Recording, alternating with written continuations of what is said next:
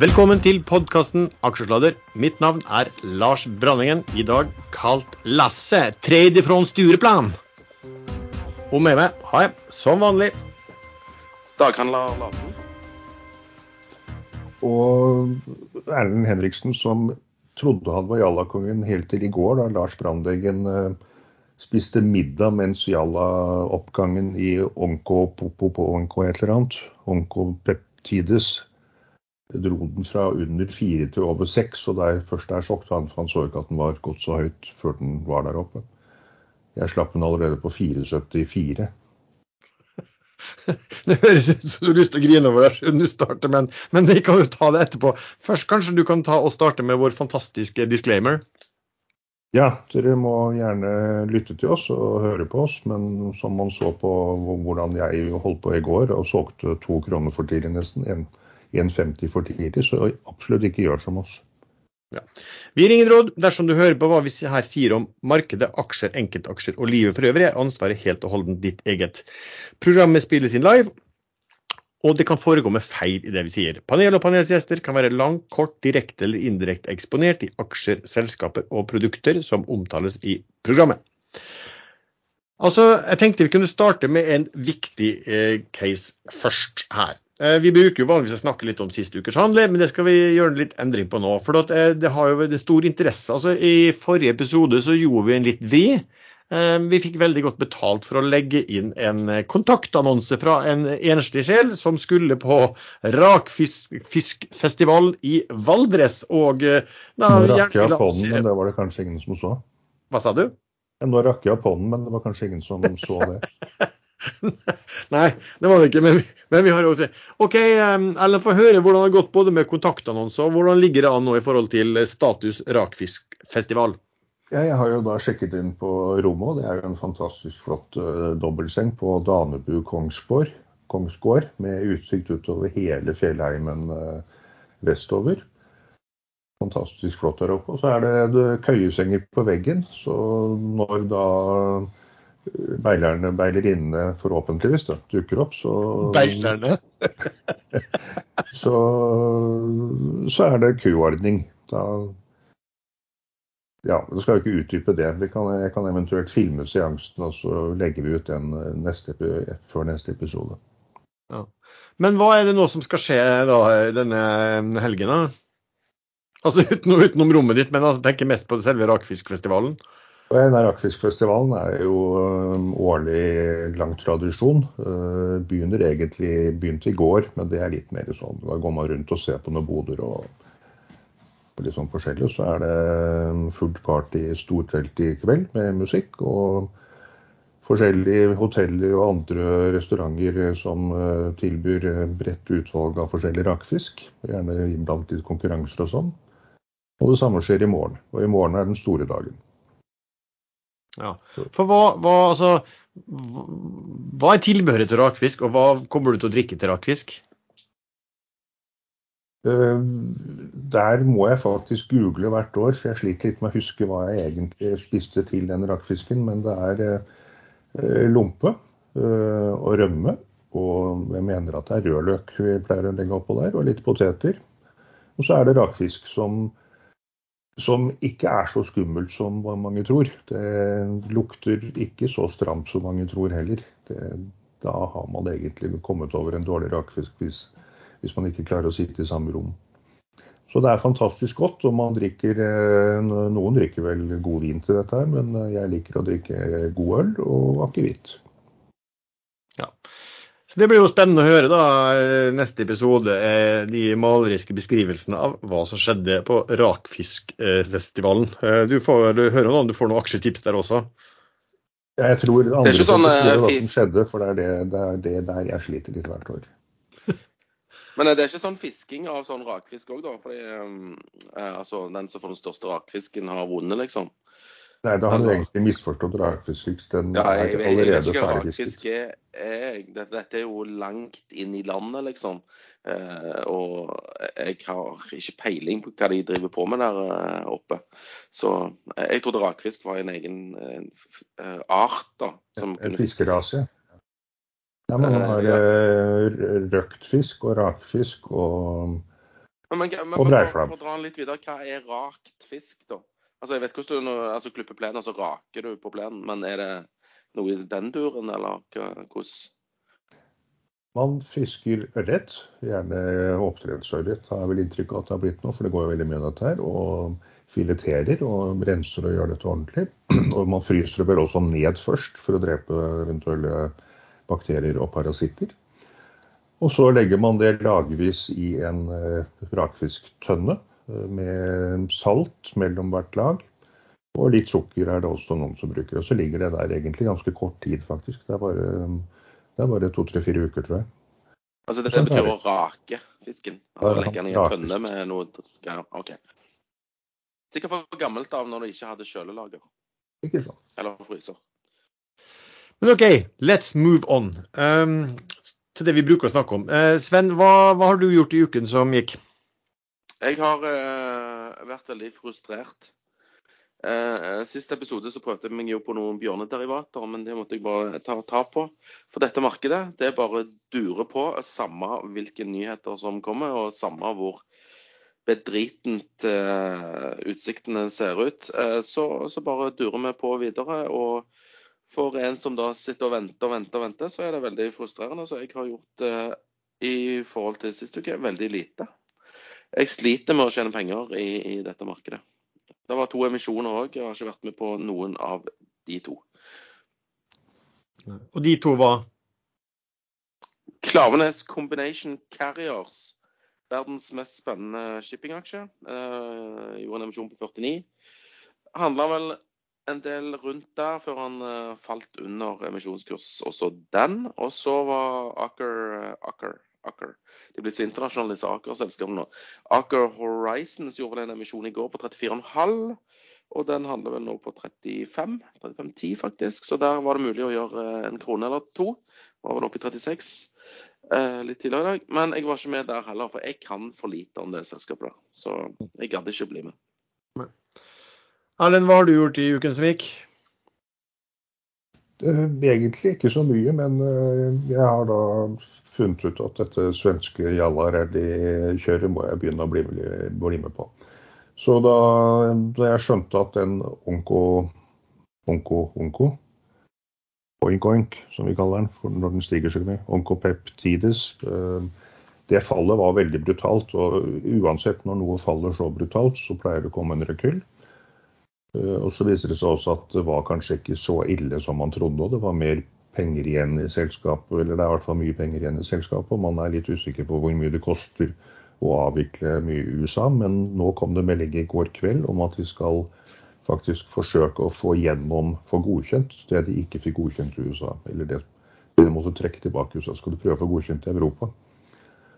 Eh, de sa også at de kutter ned på kostnaden og legger, skyver noen utviklingstrinn litt lenger fram. Og, og setter i gang å utvikle et av de andre preparatene, medisinene de har. Så den tror jeg faktisk at kan gå veldig høyt. Men eh, det var en ordentlig rally i går, og det solgte jeg meg altfor tidlig ut på. Du satt eh, lenge. Og nå er den eh, nede på 4,82. Så, så, nå er den der vi har solgt i går, faktisk. Mm. Og bortsett fra den, så ikke noe spesielt? Jo, grunnen til at jeg solgte, var fordi jeg egentlig hadde lånt de pengene fra Naked. De var planlagt å putte inn i øke holdningen av Naked. Så så jeg satt litt sånn nervøst. og det, det, lukter veldig at det kommer en naked-melding nå snart, så jeg har økt ganske godt i den. Jeg kan forklare etterpå hvorfor, hvorfor jeg tror det skjer. Mm. OK. Uh, ja. For min del så har jeg vel uh, gjort ja, no, ikke sånn kjempemye, men jeg gjorde jo denne her traden da i, som jeg snakket vel om sist gang. At jeg hadde vært da, om det var samme dag jeg hadde vært inne og kjøpt Onko på 361 eller et eller annet sånt. Um, og forklarte vel litt sånn hvorfor at det var høy risiko, men det var en del ting som ja, kunne gjøre at her kunne man få rekyl, og at det kanskje var noe substans i det. Uh, den stabiliserte seg jo egentlig litt over de nivåene som det var kjøpt på. Så kom det da et sånn voldsomt rally i går. Uh, det ble nok altså, Det er jo ikke alltid godt å vite hva det ble utløst av, men altså, det er jo en, en helt sikkert underlegen vår podkast, men det er noe som heter Børspodden da, i, i, Sverige, som veldig mange hører på. Og De hadde besøk av en stor, kjent eh, eh investor som hadde invester, børsnotert investeringsselskap innenfor si, medisinsk teknologi, biotek. Og Han ble spurt om onkopeptibis og var veldig eh, overrasket over hva som hadde skjedd der. Og så ble han spurt liksom, på fire kroner er dette noe du kunne tenkt deg å se på. Og da sa han ja, altså alle sitter og regner på det nå, sa han da. Um, og sa vel egentlig at men, men, spørsmålet er hvor mye koster disse nedleggelsene. Uh, sa ikke noe mer enn det, men, men det var vel, jeg var vel litt inne på det at alle analytikerne altså at, at her kunne fort være at den IP-plattformen hadde noen verdi. Um, så, og, og, det er vel kanskje det som skulle til der, at det ble litt optimisme at OK, there, there, is a hope. ikke sant? Og så kom da en vanvittig oppgang på etter lunsj og mot slutten av dagen da i går. Den da gikk vel fra jeg vet ikke hva den var tidligere på dagen, den var på 3,70-80, og så gikk den da bang opp i 6,40, tror jeg kanskje, eller var det 6,37? Ja. Fra 3,70 til 6,44,5. Ja, så jeg var ute og koste meg med en tidlig eh, middag, faktisk, eh, med familien. Fulgte litt med på mobilen min, men ikke sånn kjempemye. Også, men da jeg kom hjem også, da hadde den spruta eh, rett opp, og da, da lå den altså på 6.30. og eh, altså, En ting var han, han hadde vært i intervjuet med, men jeg rakk å se da på et sånn svensk eh, sosial at de fremhevet da en artikkel om dette produktet som var blitt nektet i USA, og, og, som var publisert et par dager før, så kunne det tyde på at det her var ganske bra. Eh, men jeg så lengst ned på den artikkelen, så sto det at dette er en artikkel som er skrevet med basis av en, en, presentasjon som var gjort for over en måned siden, altså før de hadde fått nei. Så da tenkte jeg at OK, her er det fort en oppgang på, eh, på at man eh, ja, Noe man tror som ikke stemmer helt. Og da gevinsten var jo formidabel, så da da vippa jeg ut eh, alt sammen. Det er jo også generelt eh, noe man må være forsiktig med. Å, å lese artikler og nyheter på aksjeforum når noe stikker av gårde sånn som det. Fordi det kan godt være den som legger ut artikkelen vet at dette er gammelt, men de skriver det gjerne ikke. Ikke sant. Det, for, det, for, det, var jo litt casen jeg så der. Oi, er det, er det kommet noe nytt? Sant? Og det er sikkert mange som bare hiver seg inn på det. Uh, men så kom det jo da etter børs, uh, slutt en melding fra selskapet som sa at de, selv om de hadde fått nei i USA, så skulle de likevel fortsette litt med disse studiene og prøve å få et nei, ja i Europa. Litt spesielt, for at selskapets sjef hadde jo sjøl sagt etter at de fikk nei i USA, at det var svært sjeldent at man fikk ja i Europa da.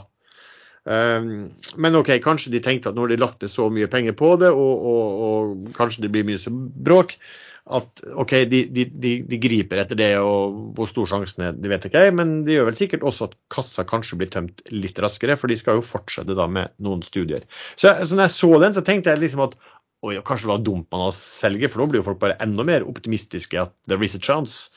Men denne aksjen har falt ned i dag, og var, var den på noe siste nå var på 480 eller noe sånt? Jeg var nede på 480-tallet, nå er den på 507. Nå er den over 5 igjen. Nå er ja. 5-10. Ja. Men jeg tipper at den skal ned volatil sak. Jeg tipper at den kommer til å dra ned til 4,50, for da den brøt gjennom 4,50 i går, så gikk det så voldsomt fort. Eh, og det pleier ofte å være et sånt signal som tredere ser etter, at eh, OK, der var det et kraftig brudd opp, da skal den ned og teste det bruddet. Mm.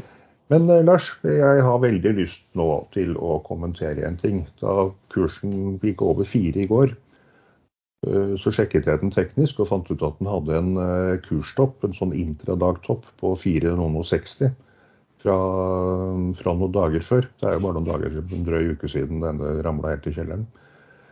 Og da skrev jeg at øygen bøygen nå det er at den må bryte over der. Og hvis den gjør det, så antar jeg at det blir en gap-tetting. Gap det er jo da et fall. Den stopper f.eks. nedturen på akkurat denne aksjen stoppet nedturen på 6,50 og åpnet neste dag langt under. Eh, og da kaller man det et gap, den rommet imellom sluttkursen og åpningskursen dagen etter. Så da skrev jeg det at hvis den klarer å dra over eh, motstandsnivået på den gamle toppen noen dager etterpå, på 4,60, da kommer den sannsynligvis til å dra oppover mot gap og tette det. Og så kom du da med en litt sånn morsom melding. Eh, det er så moro med de casene dine, Erlend Henriksen. Først skal bare aksjene opp som tre-fire ganger til et eller annet gammelt nivå, og så er det gap opp. Og så lo du godt. No offense, jeg håper det blir helt rett i Onko, og det ble faktisk 100% rett. Den gikk til 644,5. Og gapet var eh, Skal vi se her Gapet var opp til 6,50, så det kaller man en gap-tetting. De, de smarte investorene de ser at her kommer folk til å kjøre på opp til 6,50, og så hiver de seg på salg. For det er ikke alltid det tettes helt, men 5,5 øre fra å dette gapet, det må man kalle en perfekt gap-tetting. Nei, nei, nei. nei, nei. Den, nei. Den, får du ikke. Fordi at eh, hvis, du, hvis, folk hørte hva jeg hadde sagt, så hadde jeg skrevet at på, litt, det var på moro, da, men at du skal alltid, du skal alltid, de skal alltid opp 300-400% først. Denne her, var jo gapet der oppe, så da tar den først det. Men dette var på daily-chartet. Eh, med det gapet, hvis man går ned på over-chartet, times-chartet, så er det gap helt opp til over 13 kroner. 13 svenske kroner. Så det tipper jeg at den setter i neste omgang. Eh, hvis det viser seg at denne meldingen som kom i går faktisk er så bra som jeg tror den er. Så vi får se. Og da må du vel være enig med meg, Lars, hvis den da har gått fra 3,50, som var ca. bunnen etter det brutale fallet, til 13-30-40 eller hva det er for noe, så, så, snakker vi om disse flere hundre prosentene mine. Ja, ja, altså, men uh, vi har jo vært inne på det før uh, også. sagt at Hva er nettcashet til selskapet? Det er skattefordeler i dette eh, selskapet, og de har brukt milliarder på, på IP-ene til selskapet, og er det verdt null, liksom? Um, så, så, personlig så var jeg litt overrasket at den har falt såpass mye i dag, etter at de, de kom med en sånn melding som kunne gi inntrykk av at det var et håp. Men det kan ja, så, Man må også lese litt mellom linjene hva de ikke skrev. Eh, de skrev ikke, ingenting om emisjon. De skrev ikke noe om at de trenger penger. De, de brukte et engelsk uttrykk, jeg husker ikke farten, om at de forlenger eh, horisonten med de pengene de har. Eh, så de skjærer ned på en del kostnader og drøyer pengene. Ja da, men det, det er riktig. Men... Runway er ordet. Ja, runway. Men det de gjorde faktisk i går, meldingen var, var vel egentlig å i forhold til den første meldingen de kom med, så, så ble vel egentlig runwayen kortere. Eh, fordi at nå har de funnet ut at de skal bruke mer penger enn hva de opprinnelig eh, hadde tenkt. Altså etter For da skulle de trekke seg ut av alle studiene med en gang og legge alt ned. Nå skal de likevel ikke gjøre det. Men, jo, men nå, er det jo, nå er det jo egentlig litt tilbake til der de var, bortsett fra at de legger ned USA, som de fikk nekta av FDA i USA. Så regner jeg med, håper de på at de får godkjent i Europa. Og da vil jo aksjen kunne øh, gå på forventninger, og det er ja. jo mye ja, bedre enn fakta. Ja, ja, og Derfor er jeg kanskje litt overrasket over at den har falt såpass. Men så skal du huske på at det ligger artikler ute som sier at det er særdeles sjelden at, øh, at EU kommer til, annet, øh, til annen konklusjon enn når, når, når, USA har sagt nei. Og det er tydeligvis, Hittil har det kun vært i forhold til effektivitet. Men her på det selskapet, altså det er litt usikkert hva, hva, som gjelder her. for her var det jo det de kalte et safety signal. Altså lavere overlevelse. Eh, ikke i seg selv, da, men lavere overlevelse mot et legemiddel de ble vurdert i forhold til. Men altså, det der er, kan godt være at i løpet av dagen i dag kan jeg godt finne på å begynne å, å, begynne å kjøpe det inn igjen. Og så fleipe litt om at det gjaldt. fordi at min inngang på det her har jo ikke noe med at jeg tror at det sitter noen gærninger bare på Stureplan og gjør noe. Det er fordi at jeg trodde at folk kom til å begynne å se på cash og skattefordeler, og kanskje ikke det er så utrolig håpløst som eh, analytikerne ville si. Og analytikerne har bomma så grassat her at de, de, de, de, har vel egentlig bare lyst aldri til å snakke om caset, bare for å bli påminnet om at de for en måned siden hadde kursmål på 250 kroner. liksom. Men kursbevegelsen er jo jalla. Ja, ja. Det, det, det, det, ja, ja. Jeg kom jo inn i går og var lurt å skrive på og lurte på hva, hva, hva, har skjedd, liksom. Når den hadde på noen få Jeg òg tull, tulla meg jo inn i den aksjen her på 360-tallet. For Han falt jo litt tilbake igjen eh, en dag eller to etter du hadde kjøpt, Lars. Så tenkte jeg skulle være med på det kjøret, jeg òg, da. Men eh, jeg eh, solgte på 370 da når det ikke skjedde noe. Ja, og så skjedde så det, det var jo Ja, så skjedde det rett etterpå. Det var kult. Det er derfor jeg òg er litt sånn der åh, Faens jævla marked, liksom. Ja, for det er jo, altså det, men det der er litt sånn Er ikke det litt name of the game? For det er veldig mange som, som jeg ser også ellers, som kommenterer at oi, de hadde den aksjen, så solgte de den da, og så gikk det. galt. Altså, dette, er, dette kan du rett og slett ikke vite. Ikke sant? Nei, Jo, jeg visste jo. Jeg sa jo at her skal han opp og tette gapet, og så overså jeg min egen eh, konklusjon. Jo, men Ja. altså, Visste du hva tid han skulle begynne med dette gap-tettingen nå? Du visste jo ikke det. Han kunne jo ligget på 360 nå eh, fire dager til. Ja, men da er, da er det litt å gjøre med, med helg. Det er veldig ofte sånn skjer på torsdag og fredag. Takk for, takk for at du delte det nå. Forresten så for, Kan det nevnes at sier at jeg kanskje finner på å kjøpe de senere i dag, så tror jeg ikke jeg har så mye tid på meg i så fall. fordi at eh, stenger ikke svenske børsen klokka ett i dag, og nå er klokken 12.45. Ja, stemmer det. Jo, stemmer det. 13.30 tror jeg de stenger. Ja, så jeg tror ikke det blir noe eh, det- tror ikke jeg tar den der mens vi sitter og Da vil jeg heller Men nå vil jeg tro den fortsetter ned og prøver å tette dette gap rundt 4,50. Ikke gap øh, egentlig, men øh, det er sikkert en gap hvis man går på korte chart tidshorisonter, på, ned på 10 minutter eller 15 eller noe sånt. Men eh, sånne oppganger de roer seg alltid veldig kraftig ned. Det går gjerne først rart mye høyere opp enn de fleste tror, og så går den mye lenger ned enn de fleste tror. Men hvis den kommer ned under der jeg solgte på 4,74, så begynner jeg å kjøpe. Denne episoden er sponset av IG.com. Det blir aldri slutt på muligheter hos tradingmegleren IG. Oppdag deres Turbo Warrants, Turbo24, der du kan gå lang eller kort på aksjer så slik som Apple, Amazon og Tesla med fleksibel giring. Handle kurtasjefritt på proposisjoner over 100 euro på IG.com eller direkte i appen. Husk at all handel med finansielle instrument er tilknyttet risiko.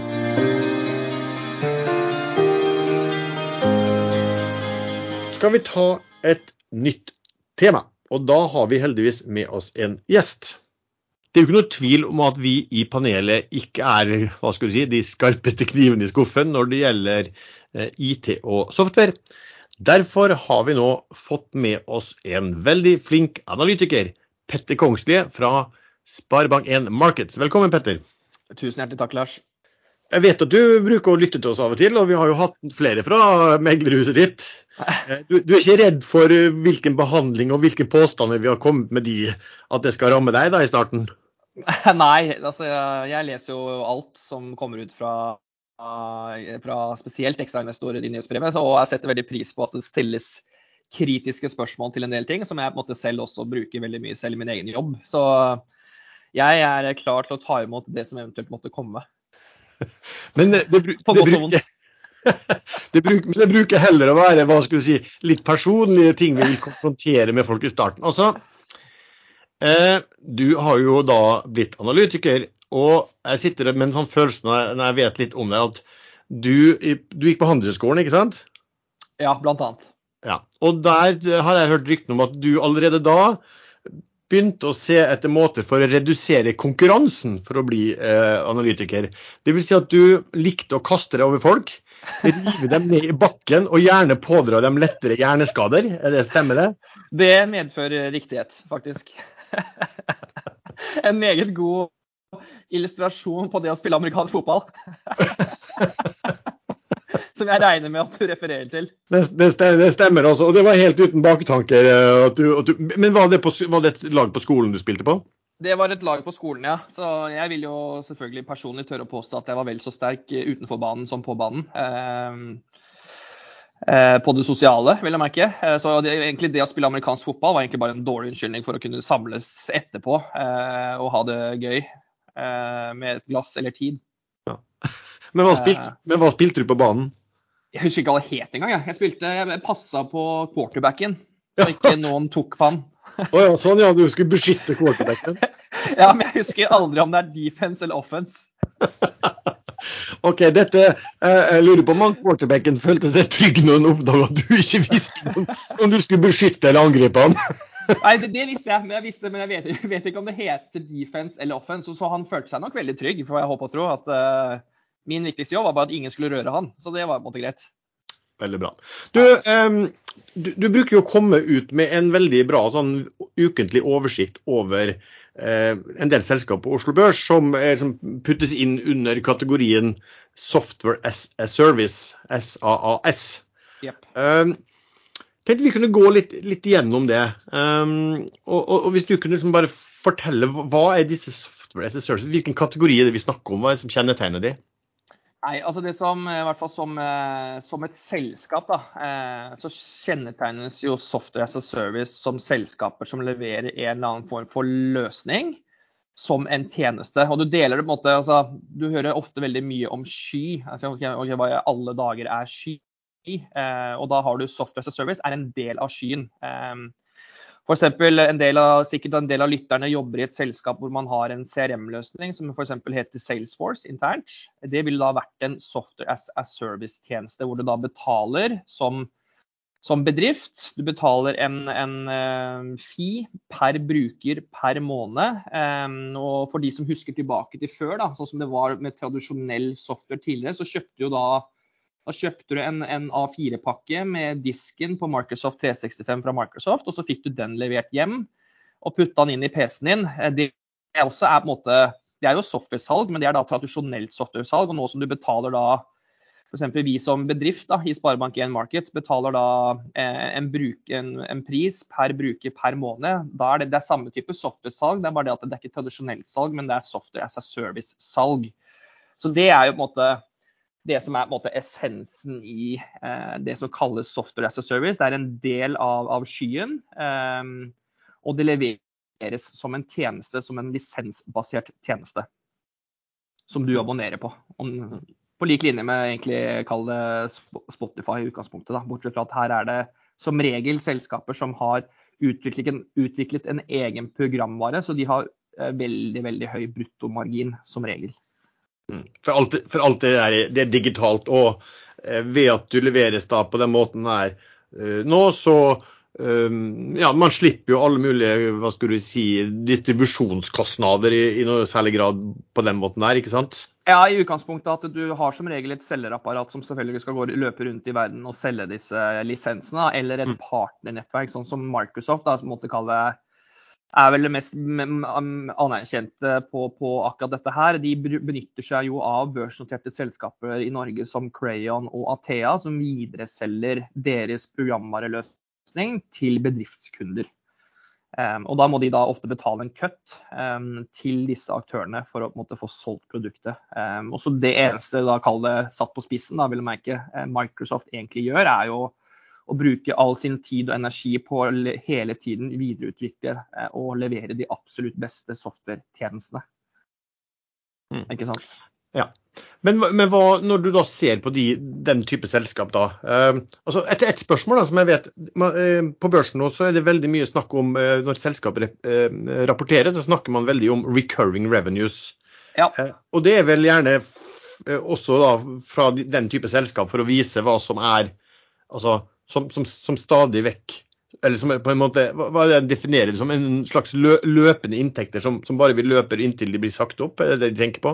Ja, det er recurring. Eh, og det er ganske, hva skal jeg si, det har vel gått litt inflasjon, satt, eh, for å si det på en pen måte, eh, i det å benytte seg enten av ordet recurring eller ordet at man leverer en ARR, altså annual recurring revenue, da, som, som veldig mange selskaper bruker. og at du har vunnet en kontrakt, f.eks. En, eh, en kontrakt hvor du har fem års eh, hva skal vi kalle det, eh, maintenance på f.eks. veiinfrastruktur, da, bare for å ta et helt banalt eksempel. Det er ikke en ARR i mitt hode. Fordi den er jo da ferdig, alt annet likt, om fem år. Det er nummer én. Nummer to, den løsningen og, og leveransen du leverer, den har ikke mest sannsynlig ikke i hvert fall, over 90% bruttomargin. og Det er litt sånn sammenfallende med ARR. Det er at du selger en egenutviklet programvare eh, eller plattformtjeneste til en kunde på en lisens per bruker per måned, f.eks.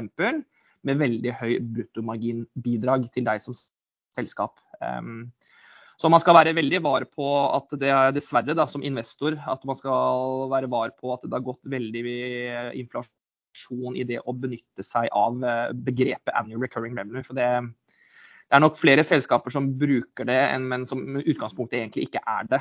Um, og selskaper som eksempler, da, som, som si, som faktisk har ARR, da, det er på en måte typisk noen konkrete eksempler i, i Norge, da, som f.eks. Karasent, Kahoot, eh, Pexip, Mercell, eh, Meltwater etc. Den type selskaper. Eh, Link Mobility f.eks., som jeg ser en del konkurrenter nevner, det er jo da i utgangspunktet ikke software as a service um, i så måte, f.eks. Til sammenligning. Ja, for recurring da Eh, kan man egentlig tenke seg sånn at, at, det som burde gå under det begrepet, er altså inntekter du får framover, men hvor du egentlig ikke trenger å gjøre noe spesielt for den kunden? Ja, altså jeg vil jo Det, det er helt riktig. Når det kommer til recurring, så er det jo det. Um, at det, skal være et skyhøyt marginbidrag til deg som uh, bedrift. Um, og du skal ha langs veldig lange må ikke nødvendigvis være lange kontrakter, men, men hvis du måte, kan vise til at du, det holder at det er ettårskontrakter, men at du kan vise til at du nesten ikke har eh, churn på din kundebase, altså at du ikke mister kunder, så, så vet du måte, med en viss sannsynlighet hvordan det skal utvikle seg over tid. Um, og Det er jo det som innenfor software as a service-verden bl.a. er inkludert i det som kalles net retention, som er et utrolig viktig tall å forholde seg til. Um, som, som i, i, bunn og grunn egentlig bare går ut på at eh, hvis du har en kunde, eh, det du klarer å opp, selge opp på den kunden, eh, trukket fra det den kunden har av churn på enten antall klienter eller eh, at folk har sluttet i selskapet eller hva det måtte være, nettopp på den kunden, hvor mye den vokser hvert eneste år, eh, det er et utrolig viktig tall. Eh, og det skal helst være over 100, eh, for, da, altså 100% for det betyr da at da vokser du med eksisterende kundebase. Og det er viktig av to årsaker. Selvfølgelig det å vokse uten at du trenger å få inn en ny kunde, er jo selvfølgelig veldig bra i seg selv. Men nummer to, du har jo mest sannsynlig i, i stor grad brukt mesteparten av pengene på å allerede skaffe deg den kunden. Så det at den kunden omsetter for 100 til 110, den nettoen der på 10, den er veldig veldig innvandrende for, for selskapene. Du vokser mm. egentlig med kunden din det koster jo fem ganger så mye å få en ny kunde enn, enn å vokse på en eksisterende kunde. Og det, det er litt sånn der, eh, for, investorer som lytter til her i dag, når man skal titte på et nytt software as a service-selskap eh, og f.eks. snakke med management, en av de viktige parametrene man skal spørre om, er hvordan de håndterer eksisterende kundebase og påser at de fortsetter å være en eksisterende kundebase. Er det andre spesielle ting du, nøkkeltall eller spesielle ting du, du bør se etter når du skal ja, gå gjennom den type selskap? Eh, definitivt. Altså de to, de to det, viktigste parameterne som vi ser etter, som dessverre ikke alle selskaper oppgir, da. men det, det, er hvor mye koster det deg å skaffe en ny kunde? Eh, og hvor mye, eller hva er det, livsverdien på den kunden? Eh, Altså, og Det går jo på en måte rett og slett bare på spørsmålet at okay, det koster deg 100 å få en kunde. Eh, den kunden betaler meg 100 i året, men etter fem år i snitt så churner den. Det betyr da at den verdien på den kunden sånn simply put, da, det er fem, fem, ganger så mye som det det kosta meg å få den kunden. Eh, og Det er et, et, ekstremt viktig tall å ha kontroll på. fordi hvis du ikke har kontroll på de to parameterne, så vet egentlig ikke selskapet om den veksten de har, er lønnsom. Ikke sant? Ja. Fordi én mm. ting er å vokse, vokse denne recurring-basen, men det hjelper jo fint lite hvis det koster deg mer enn det smaker. Ja. Um, og Nå skal ikke jeg begynne på en sånn rant som det er, men det er jo godt kjent at jeg ikke alltid er like glad i, um, i EBITA-tall. Og, og, da har jeg jo liksom med stor glede merket meg at du også bruker altså du, du, tar heller ikke det for god fisk, for du har også begynt å bruke hva skal, et slags sånn justert, eller skal du kalle det en slags justert driftsresultat, der du, der du ser på hvor mye de, disse selskapene aktivere eh, per kvartal eller per år?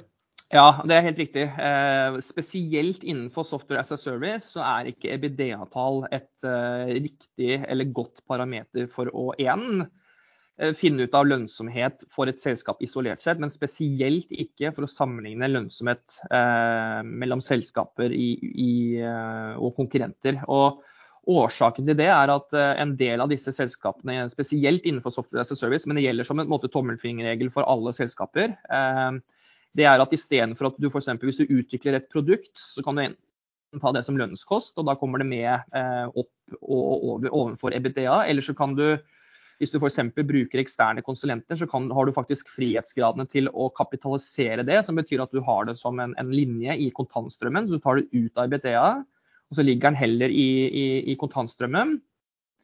Og de tallene der de er ekstremt mye forskjellige eh, mellom ulike selskaper. Så selv om to selskaper innenfor software as a service kan ha 25% EBDA-margin, så kan de f.eks. da ha, som jeg ser på, da, EBDA minus Capex. Um, uh, ha f.eks. For ekstremt forskjellig uh, margin, som, som, er utrolig viktig å følge med på. Uh, og Vi skal ikke si at selskapene jukser, det gjør de mest sannsynlig ikke. for det er, noen, det er, noen, regnskapsregler i forhold til hvor mye du kan og ikke kan kapitalisere. Men det er bare det at det er veldig viktig å være klar over når du skal sammenligne selskaper. Mm. Um, fordi at den type altså i, i, det øyeblikket du velger at du kapitaliserer det, eller dvs. Si at ikke fører det som en kostnad, ja. eh, så vil det aldri noensinne dukke opp eh, under kostnader i EBITDA-begrepet. Det vil alltid bare være du, du, må bare avskrive det senere. Helt riktig. Så det, det, kommer inn i EBIT-en i, i, regnskapet, men du får jo da måte, 100 som da måte, blir delt mest sannsynlig på over fem år, da, og kommer inn i i regnskapet sånn sett, istedenfor å, å bare ta de 100 som en kostnad med en gang. Um, vi er jo i utgangspunktet veldig fan av å ta så mye kostnader som overhodet mulig over drift. Fordi én, eh, det er et bedre selvfølgelig mål på, den, på, det, på, lønnsomheten til selskapet over tid. Og nummer to, det tar også ned måte, risikoen på balansen. At du ikke ja. blåser opp Ikke blåser opp, det er kanskje feil å si, da, men at du får en for stor balanse ut ifra hva, hva, du egentlig burde ha. Mm. Um, som du sier, så er jo det regnskapsregler på det, men det er jo ikke noe tvil om at det er altså regnskapsregler som er forbundet med uh, stor skjønn. Uh, Absolutt. Og, så er det vel også sånn at man, altså, ulike uh, land kan bruke det litt ulikt. Jeg, jeg mener at jeg så at det var Kahoot som hadde valgt å bruke noen amerikanske regler som sa da at da kunne de ikke kapitalisere lenger. Helt riktig. Og det er, det er et kjempegodt eksempel da, hvor du har f.eks. et norsk software og service-selskap, et, et Elithet, som, som, har en EBDA-margin som er 25% og så kapitaliserer de, de 10% av salg i året f.eks. Så liksom den reelle marginen da, er selvfølgelig før skatt og arbeidskapital og lease, da, men det er, det er en, si, en, quick and dirty måte å gjøre det på. Så er den ikke 25, men den er, den er 15, ikke sant. Uh, og så ser du f.eks. på Kahoot, da, så, så, har du da, de, de kapitaliserer jo da tilnærmet ingenting. Som, som betyr at det å se på EBDA-marginer sånn sett i Kahoot vil jo da være på en måte, sammenlignbart med å titte på f.eks. EBDA minus Capex i, i Marcel da, i Oslo. For eksempel. Ikke sant. Men EBDA minus Capex eh, og da kapitaliserte utviklingskostnader er en, kall det som du var innledet med, Lars, en, en god proxy på å kalle e, normalisert EBIT. da i et selskap som jeg er veldig glad i. Jeg er veldig glad i EBIT. Ja, da har vi to. Du, um, og så, vet jeg Når det gjelder å se på sånne selskap, så har det kommet opp noen ting som, som uh, man kaller, altså, så, så, som man liksom bruker for å sammenligne de selskapene, som heter rule of 40. Uh, hva er det? Nei, Det er eh, morsomt at du spør. Eh, første gangen vi kom over Rule of 40 var faktisk i tilknytning til Software as a Service. Men hvis du tenker deg, vi, men per i dag så bruker vi faktisk det på absolutt alle selskapene vi dekker. Og hva er egentlig rule of 40? Det du gjør, det er at du tar summen av organisk vekst, si f.eks. da snittet i perioden 2021 til 2023, eh, og så plusser du på helst da free cashflow-margin, men vi bruker da denne igjen, denne EBDA minus Capex-marginen, eh, som en slags proxy på EBIT-margin. Så da tar du salgsvekst de siste neste to årene f.eks. Plusse på EBIT-marginen for 2022, så får du et tall. Eh, og si at det er 20 pluss 20, så får du da 40. Og så sjekker du da det opp i et scatterplot, som regel, altså opp imot en multiple. Um, og hele poenget med den rule of 40 er at de selskapene som har evnet over tid å levere over 40% rule of 40, og det kan være at du vokser f.eks. 50% organisk og har 10% margin, eller vokser 20% organisk og har 20 eh, margin. Allikevel så er du i hvert fall da 40 og skal helst da over 40. Og de som har levert over 40 over tid, de har da hatt to ganger så høy avkastning på eh, pengene kontra de som har levert under 40 rule of 40 over tid. Mm. Um, vi syns jo det var en interessant måte måte å titte på selskapet. For da får du på en måte en litt sånn balanserende For det er alltid en balanse i forhold til hvor mye skal jeg vokse i, forhold til måte, hvilken margin jeg skal ha på kort sikt. ikke sant? Det er det som er hele poenget her. Ja. Og det som er interessant med det, da, hvis du liksom går tilbake til, til skolebenken, da, så tenker du ikke hva er det som forklarer multipler, altså forskjeller i multipler mellom ulike selskaper. Og Det her er egentlig ganske interessant. og det er Det er forskjeller i vekst. Det er forskjell i det, hvilken margin du kan reinvestere til, altså hvilken avkastning på kapitalen du kan reinvestere til, og det er forskjeller i risiko. Og Hvis du tenker deg bare den rule of 40, da, det du plukker opp der, er egentlig to av de tre. Du plukker opp veksten, og du plukker opp hvilken margin du kan reinvestere til. For Det er liksom den, den marginen du ønsker å, å, å, ha i denne rule of 40. Og så klarer du dessverre ikke å plukke opp risiko eh, i det rammeverket. Så det vi ofte gjør, da, det er at vi når vi skal fortelle om et selskap, måtte, liksom se på prisingen av et selskap, så justerer vi alltid multiplen for vekst og margin. Altså forskjeller i vekst og margin. Og det, det syns vi er utrolig viktig. For du kan ikke bare ta en pair-gruppe av selskaper, og så ser du bare at det ene selskapet prises til 12 og det andre prises til 10. Du må hele tiden tenke hvorfor prises det ene til 10 og det andre til 12, og, og burde det egentlig vært motsatt. Og da er rule of 40, altså sum, vekst og margin, en fin måte å og, og, se det opp imot i forhold til multipler. Mm. For det, det, var veldig interessant at, at dere begynner å se på det på andre eh, områder også, som egentlig gir, gir, mening. Men det er jo ikke så mange som, som kan gjøre den, kanskje den jobben som, som, du gjør med å estimere framtiden. Men eh, ville det da, altså, hvis du da satt og tenkte på dette her og syntes det var fornuftig, eh, ville det da gi mening at uh, et selskap du så på i dag, da, så så du tallene, og så tok du de, de siste par års tall uh, på det, og, og, og, og, så på rule of 40 i forhold til det. Ville, ville det gi deg noe god nytte også? Ja, veldig. Uh, du kan bare se på siste tolv måneder organisk vekst f.eks., og så plusse på siste tolv måneder gjennomsnittlig margin. og se på en måte hvordan da det selskapet du titter på, prises i forhold til andre typer selskaper som har lignende type vekst og margin. Det er i hvert fall et veldig godt utgangspunkt. Um, hvis du ikke har tid eller anledning til å lage estimater frem i tid, som de fleste kanskje ikke har.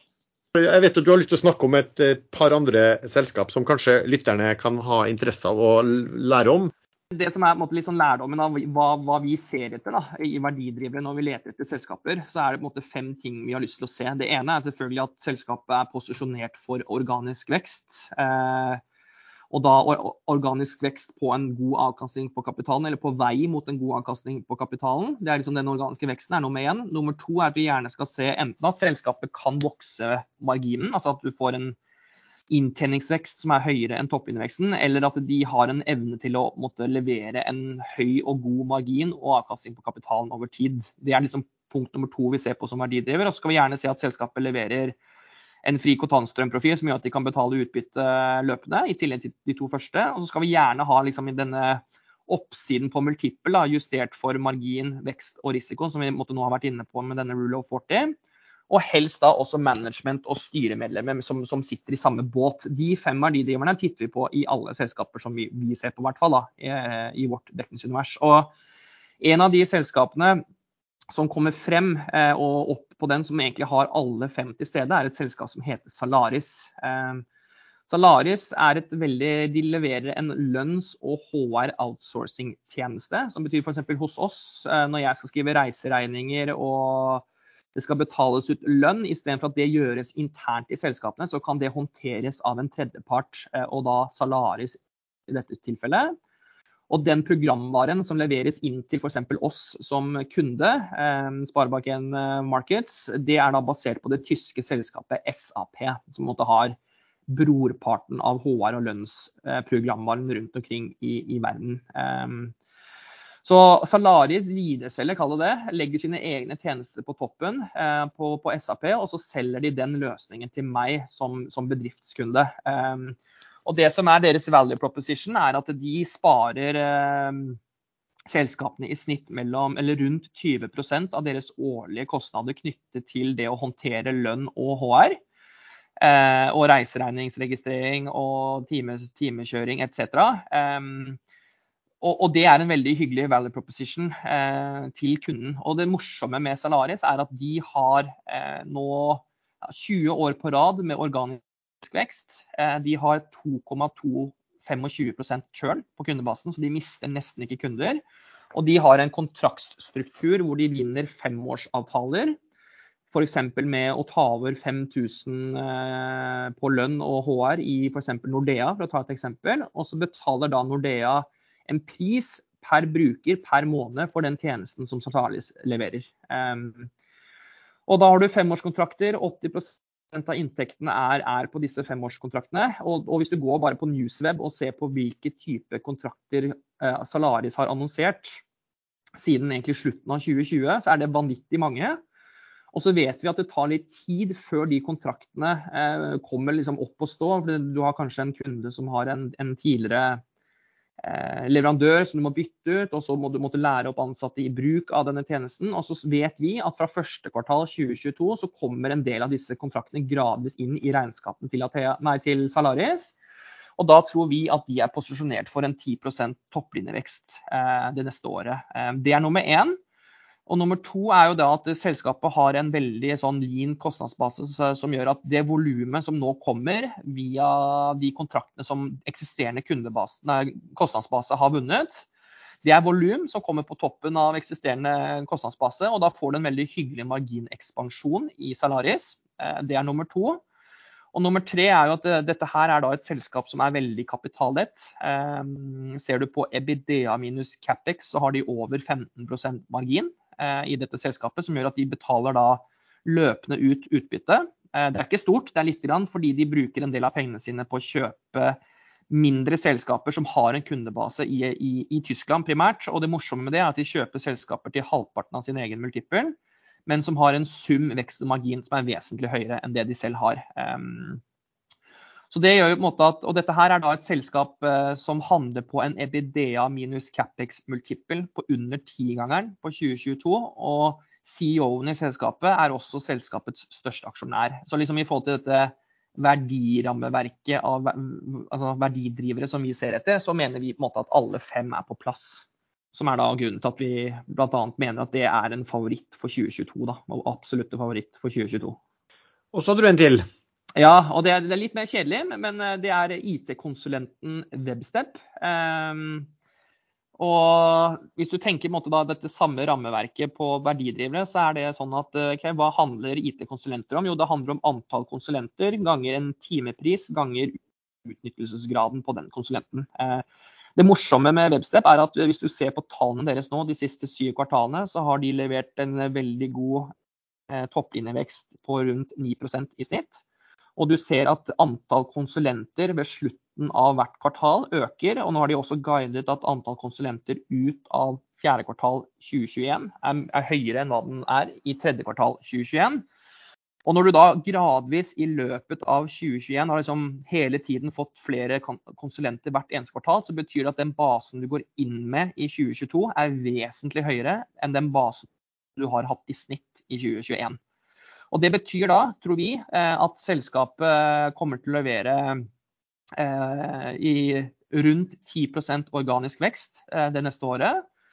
Det andre morsomme med det selskapet her er jo at de kommer fra en situasjon hvor de ikke har hatt en si, optimal utnyttelsesgrad av organisasjonen. Så de kommer ikke fra en situasjon som f.eks. Bouvet, da, hvor de har hatt usedvanlig god margin i 2021 og mest sannsynlig på en lavere margin i 2022. Så kommer da Webstep fra en motsatt posisjon med, med lav margin, eh, og hvor da netto rekruttering er den viktigste KPI-en for å få marginekspansjon. Så vi tror jo at da det også er marginekspansjonspotensialet i Webstep, og dermed at inntjeningsveksten i Webstep blir bedre enn toppinnveksten. Og da inntjeningsveksten et eller annet sted mellom 15 og 20% for, det, for de neste par årene. På toppen av det så er dette her da et selskap som er ekstremt kapitalett. Altså deres eneste kapitalbase er jo hoder, mennesker. Um, så de betaler ut 90 av, av overskuddet hvert eneste år. Uh, og de har vel hatt overskudd siden 2002, hvis ikke jeg husker helt feil. Uh, og betaler ca. 6 direkteavkastning uh, på, på, dagens aksjekurs. og det morsomme er jo at hvis du ser på liksom, sum vekst og margin for sammenlignbare nordiske IT-konsulenter, så har de en sum vekst og margin på litt i overkant av 20. Og de prises til en PE 20 på 2022. Webstep har en sum vekst og margin eh, på litt i overkant av 20% og de prises til en PE på 14,5 på 2022. Så vi mener jo da også at det måte, er oppside til, til vekst- og marginjusterte multipler, dette rule of 40-rammeverket. Um, og sist, men ikke minst, uh, Styreleder i selskapet eh, er også selskapets største aksjonær, så du sitter også i samme båt. Ehm, så, så vi har jo på en måte sånn innenfor vårt TNT og small cap-rammeverk, så er måte, vår generelle anbefaling å bevege seg innover på risikoskalaen. Eh, det er ikke nå du måte, skal eh, belåne bikkja di og hva enn du måtte belåne, og, og gå all in, tror vi. Og vi mener da at det å måtte, kjøpe Salaris og kjøpe Webstep er på en måte, et, et, steg på å bevege seg innover på risikoskalaen. Vi har faktisk fått en del spørsmål eh, i dag. og Eh, flere har spurt om eh, vi kan kommentere link, og det skal vi ikke gjøre. For det skal nemlig du som er ekspert på link heldigvis da kunne gjøre. For de kom jo med tall nå ja. i, i, i, uken, og så falt de ganske dramatisk på børsen samme dag. Hva er det som, hva som har skjedd? Nei, altså Det vi tror har skjedd, da, det er nummer én er at hvis du ser på hvilken EBDA det selskapet har hatt siste tolv måneder, hvis de hadde på en måte hatt alle de kjøp, kjøpte selskapene i, alle, i de foregående tolv månedene, så ser dere faktisk at inntjeningsveksten i selskapet er ned fra andre kvartal til tredje kvartal. Det er nok måte, en av faktorene. Eh, og så vet vi da at det skyldes at en av de selskapene de har kjøpt, hadde en sinnssyk inntjening, spesielt i tredje kvartal i fjor. Som du garantert ikke får i år, eller som vi visste at du ikke får i år, og som du heller ikke kommer til å få til neste år. Um, så det er en sånn type som jeg i hvert fall da, ser på som, som en slags um, forbigående effekt. Men det er liksom an, et par andre ting også som, som, som, har, måte, som, plager den aksjen litt. Og det er at selskapet har ganske mye gjeld. Altså de har, en, eh, de har fem ganger driftsresultatet før avskrivningen i, i, i, i netto rentebærende gjeld, eh, som er høyt. Det er veldig høyt. Eh, og de selv, Selskapet selv sier da også på presentasjonene som, som de har sendt ut, at de, deres prioritet nummer én er fortsatt å gjøre oppkjøp. Og da kan du tenke deg Når du har fem ganger resultatet ditt i netto rentebærende gjeld, og du skal fortsette å gjøre oppkjøp, så tror vi da at det på en måte er en risiko for at selskapet må, eller vil, da, ønsker å hente egenkapital i så måte. Og det vet, vet jo da kanskje investorene om, og sitter da heller og venter på gjerdet. Det er nummer én. Og nummer to er jo at eh, de har også et overhengsproblem. Altså at de har en private equity-eier som eier 2,5 milliard av aksjene i, i selskapet. Eh, som tok de på børs i 2020. Eh, og man vet jo aldri måte, når den kommer til salgs. Du vet bare én ting, og det er at de skal ut. Eh, og så kan du tenke deg at eh, hvis du hadde vært investor da, også, eller vært eh, investor i Link Mobility i dag og vært denne største eieren som eier aksjer for 2,5 milliard, og du vet at du skal ut, ville du at selskapet skulle hentet eh, egenkapital for å gjøre M&A, som da måtte tar bort potensiell etterspørsel etter dine 2,5 milliarder? Kanskje ikke, og da havner måte, selskapet, eller aksjen, da, sånn, sånn kortsiktig, havner da i en litt sånn skvis da, på liksom, uh, høy gjeld. Burde kanskje hente penger for å gjøre M&A, men, men største eier vil kanskje ikke at du skal gjøre det, fordi det tar bort etterspørsel etter deres aksjer. Altså, du havner i en litt sånn clusterfuck, da, som uh, ja. sagt på godt norsk. Um, ja.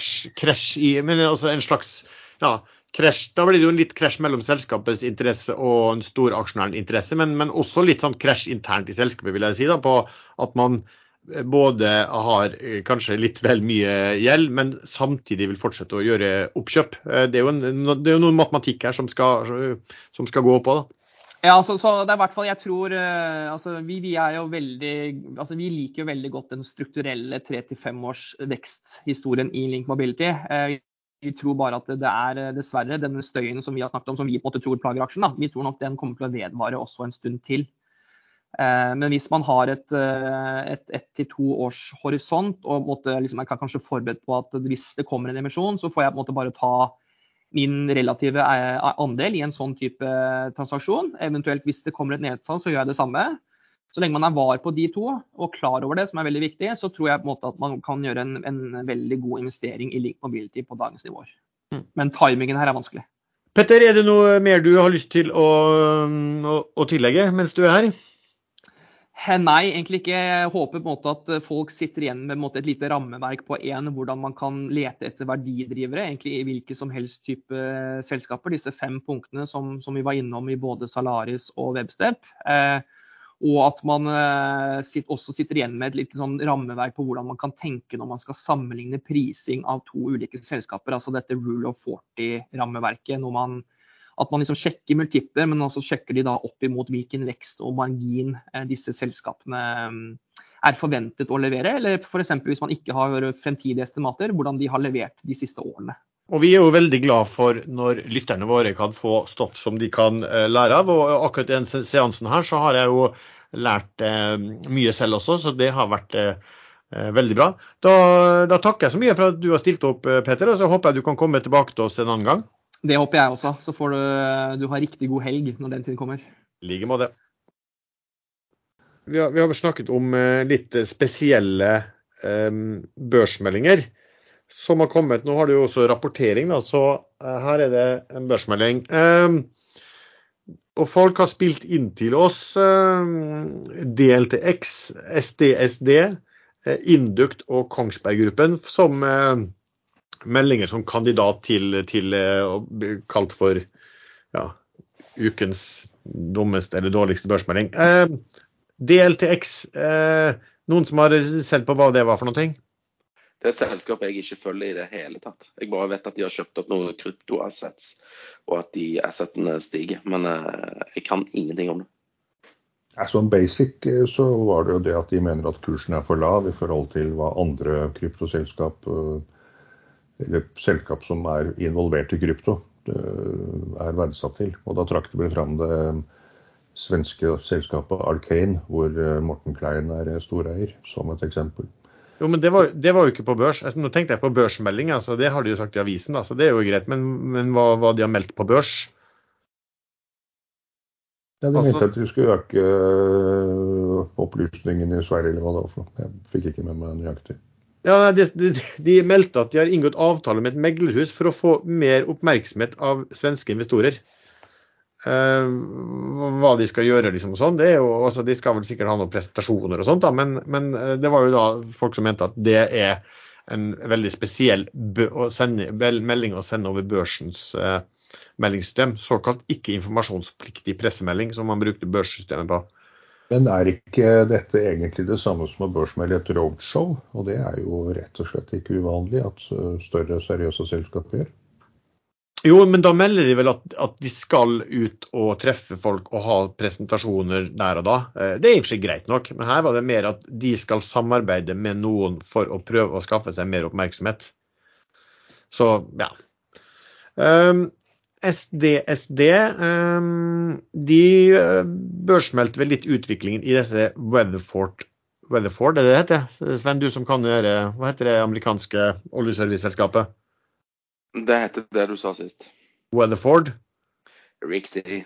Ja, de meldte vel at, eh, litt om det, men det var egentlig den børsmeldingen var mer eller mindre en analyse av hvor de trodde verdien av den ville gå. Um, så hadde vi Kongsberg Gruppen, som hadde en sånn liten beauty der de Det var mer i headline at de skrev at, eh, at eh, de hadde én eh, milliard, da liksom nå nådd over én milliard i profits. Som er betegnet i det børsekstra nyhetsbrevet som Kongsberg, såkalt Kongsberg Profits. Fordi at det vi var dødelige nevner som profits, det var halvparten. Så de hadde en justert EBITDA, men hadde da ikke med seg avskrivninger, skatt, finans, og her var det også minoritetsinteresser. Så når du var ferdig med Kongsberg Profits minus resten, er vanlig, var vanlig profits halvparten. Um, og så kom det Induct, da. Sven, du vet hva Induct gjorde? Induct konsoliderte inn eh, tallene fra et selskap som de ønsker å kjøpe opp, eh, som ikke er sluttført. Eh, altså Konsolideringen har ikke skjedd ennå, de har ikke kjøpt opp selskapet. Men eh, for eh, syns skyld så lot de tallene fra det selskapet de ønsker å kjøpe opp, eh, få plass i regnskapene sine, sånn at regnskapet til Induct så jo faktisk mye bedre ut enn det noen gang har sett ut. Det pleier jo å se ut som eh, den siste pølsekiosken siste pølsekiosken i Oslo har vel egentlig bedre tall enn Induct normalt sett. Men uansett, det pleier å være så, så, så, så skralt eh, på de tallene for Induct. Så da gjorde de noen grep, og plutselig så, så det ikke så halvgale ut. Eh, men du måtte lese det med en liten skrift, da. At det, det var tall fra et annet selskap, så de ikke eide. da ikke eide og ikke heller hadde beslutta å kjøpe på tidspunktet Nei, det liksom, kvartalet var ferdig? Altså, det er akkurat som uh, f.eks. Ja, et annet selskap, la oss si Eh, nei, Jeg skal ikke snakke drit om noen andre selskaper som ikke har gjort noe galt, men si at f.eks. Kahoot da, de ønsker å kjøpe opp Apple, så derfor har de tatt med tallene fra Apple i regnskapet sitt. Det ble jo litt rart. Ja. Nå har vel de, Når du regnskapet fått, så har du vel liksom fått eh, vel ja fra, men, fra det selskapet der, men, men det, det, gjenstår vel eh, en due diligence. Problemet med det her var også er jo at det ble helt umulig da å eh, vurdere hvordan Induct hadde gjort det kontra tidligere kvartal. ikke sant? Fordi at En ting at de gjort det der som var, var, merkverdig nok, men de hadde ikke satt opp et regnskap som hvordan det så ut uten dette her. da. Eh, og da kunne man ikke sammenligne. Så jeg fant på et nytt begrep som heter Man bruker å snakke om EBITA, og da ble EBITA hæ? Altså med EBITA med H til slutt, og der H-en er, er, er håp. Men eh, Sven, mener du at når Eh, når diamantselskapet eh, som jeg driver, når vi begynner å produsere en del, eller finne en del diamanter og vi selger da til eh, The Beards, det er ganske naturlig at de vil være en av kjøperne på disse aksjonene hvor vi selger på. At jeg ikke kan ta med The Beards tall i regnskapstall i vårt regnskap når vi går på børs. Selvfølgelig kan du ta det med, men jeg syns du bør gjøre oppmerksom på hvem sine tall det er. Men du ja, men kan det, ta det med. Det er bra, for da da må jeg bare legge inn en liten fotnote som eh, ja, liten, nederst på side 317. Fotnoter pleier å være med veldig liten skrift òg, så det funker bra, det. Ja, for Hvis jeg ikke kunne det, så måtte jeg jo Det er mye jobb som er gjort for EBUS. Da måtte jeg reversert ja. alt. Eh, jeg skjønner. Men eh, tilbake til disse rare børsmeldingene nå. Eh, vi venter vel fortsatt på Veidekke sin årets lærling-børsmelding. Den er vel ikke kommet ennå. Eh, så den gleder jeg meg Og spesielt begrunnelsen til hvorfor vedkommende ble årets lærling. Da. Det pleier alltid å være fornøyelig eh, lektyre. Har du planer om å gå long eller short i forkant av den meldingen? Eh, jeg tenkte å være short i, i forkant og dekke på, på meldingen, ja. Eh, som, som, vanlig, så jeg pleier å spille den eh, årets lærlingmelding eh, fra Veidekke. Sven, da tenk deg hva dette betyr for den som blir årets lærling, å få det ut i en børsmelding. Ja, Det er sikkert ikke flaut engang for vedkommende. Men OK. Eh, også en annen som kom i går, da. Akobo Minerals continues to intersect visible gold in addition to ongoing exploration and mining studies, despite announcement of Ethiopian state of emergency. Der har du hele børsmeldingen i headingen. Så hele innholdet, mener jeg. Så det, det, det var en bra børsmelding, syns jeg. Du slapp å lese med teksten, vet du? Ja, ja. ja, ja. Det er veldig bra. Ja. Fordi, fordi at, men Årsaken til at vi sier litt her, er også at vi, vi, ser jo på veldig mye børsmeldinger som kommer. og Derfor er det da ekstremt irriterende når man begynner å bruke børsmeldinger som sånn spam og, og spinn. Eh, fordi at vi har liksom andre ting vi heller vil da bruke tiden på. Det er vel fair å si. Men eh, når jeg hører dere, så er det vel sånn at eh, er det slik at vi, vi, vi kårer Induk til den eh, ganske klart verste denne uken? Induk pleier ikke å vinne noe, så ja, la de få vinne denne.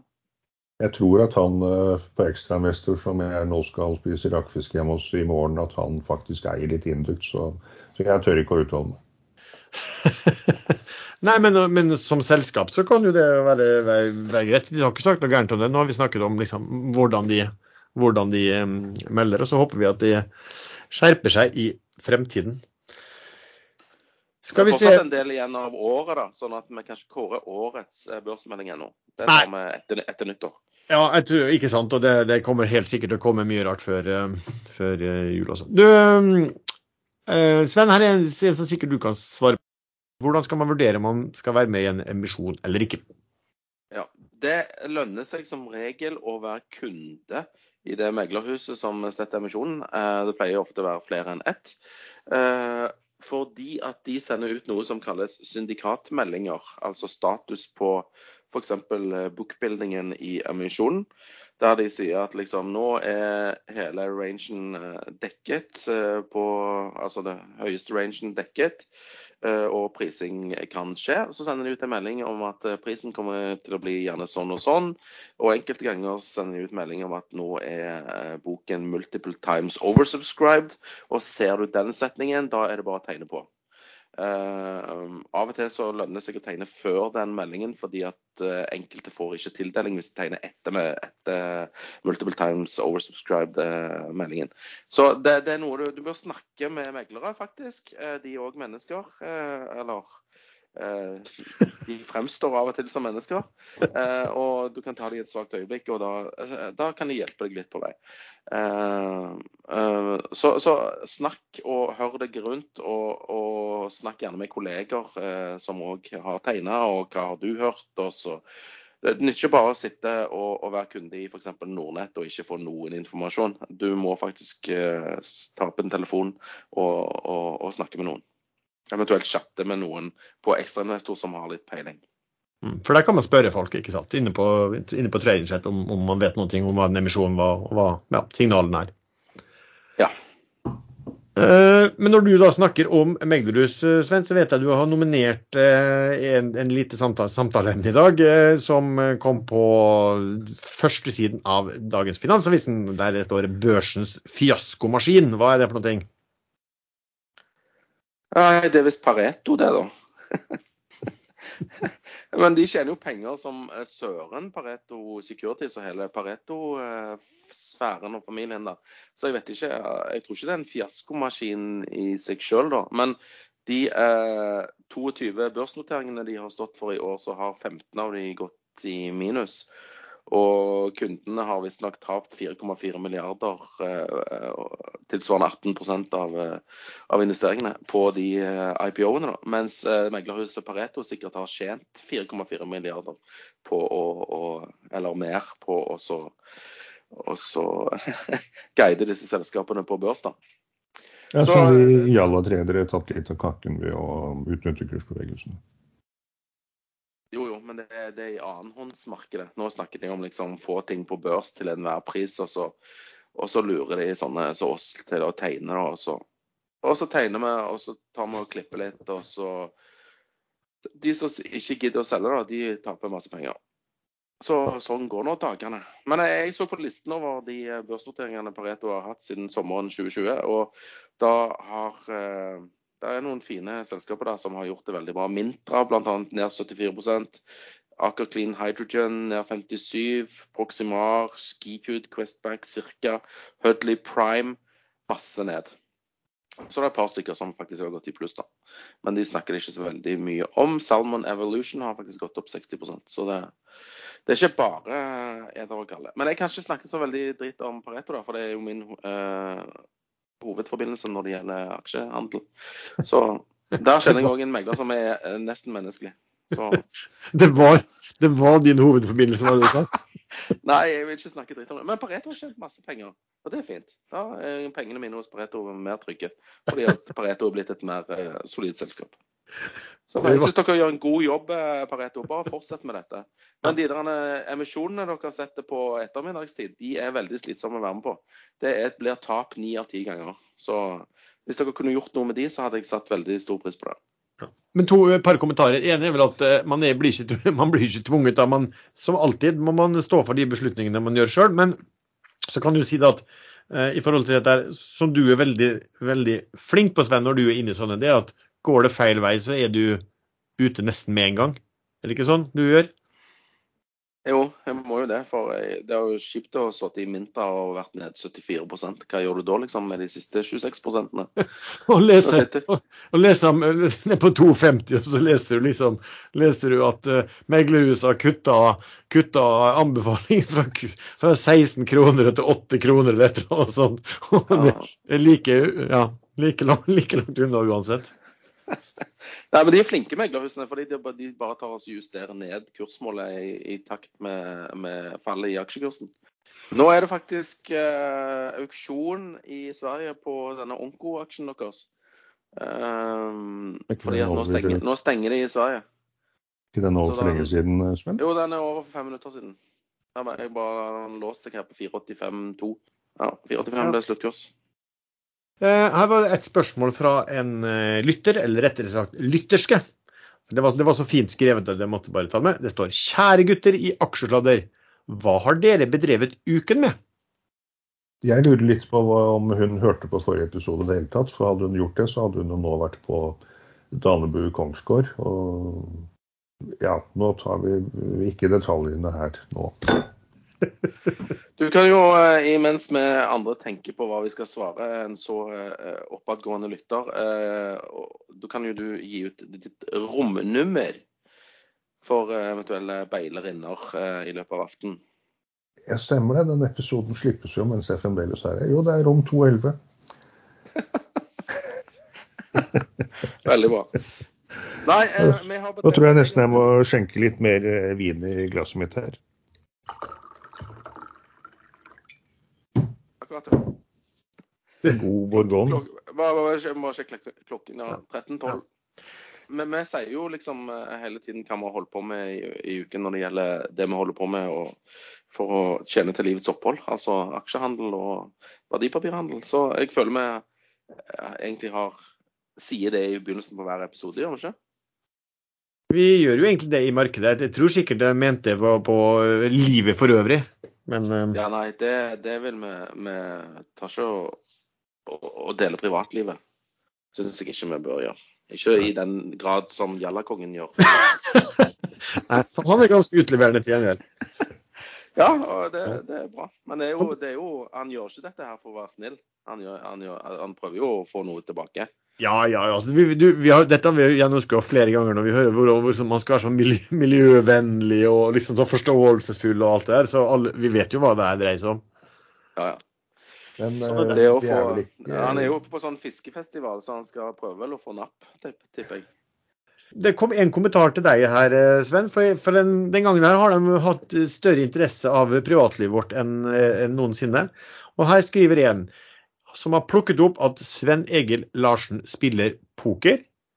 Eh, drikker Tuborg fra Remi-butikken i Solakrossen og liker å spise skalldyr fra Ølberg. I den anledning inviteres han spesielt, med aksjesladdergjengen, generelt til pokerkveld med kvalitetsbrygg og lokalfanget skalldyr på Rennesøy. Gi en lyd i podkasten om jeg skal agne opp hummerteinene, slik at Sven kan få spise seg mett før pokerkortene deles ut. Det var vel hyggelig, Sven? Jo da, bortsett fra at Rennesøy er en gudsforlatt plass og langt ute i havgapet, og du må gjennom to lange tunneler for å komme dit. Og jeg tipper at taxiregningen blir på 4000. Så jeg takker høflig nei til det. nei, men da overnatter man bare på sofaen. Det, det er jo vanlig standard. Jeg tenker at uh, vi to, Lars, vi ble vel invitert med som kanonføde for det pokerbordet. Ja, det var, det var liksom uh ble, ble vel slengt på sånn for syns skyld, eh, tror jeg, at uh, hans, hans, spesielt, men aksjesladdergjengen generelt, det er vel ikke sånn? PS, ta med nok kontanter. Ja, ikke sant. Følte vel ikke at den røde løperen var trillet ut der, akkurat. Så Rennesøy, det, det, det, det hørtes ut som det ble avslag fra, fra Nei, det er, du, det er, en plass du kjører forbi når du skal ta ferja over til andre sida av Buknafjorden. Nei, det er ikke noe, ikke noe, slemt sagt om Rennesøy. De er sikkert mennesker, de òg.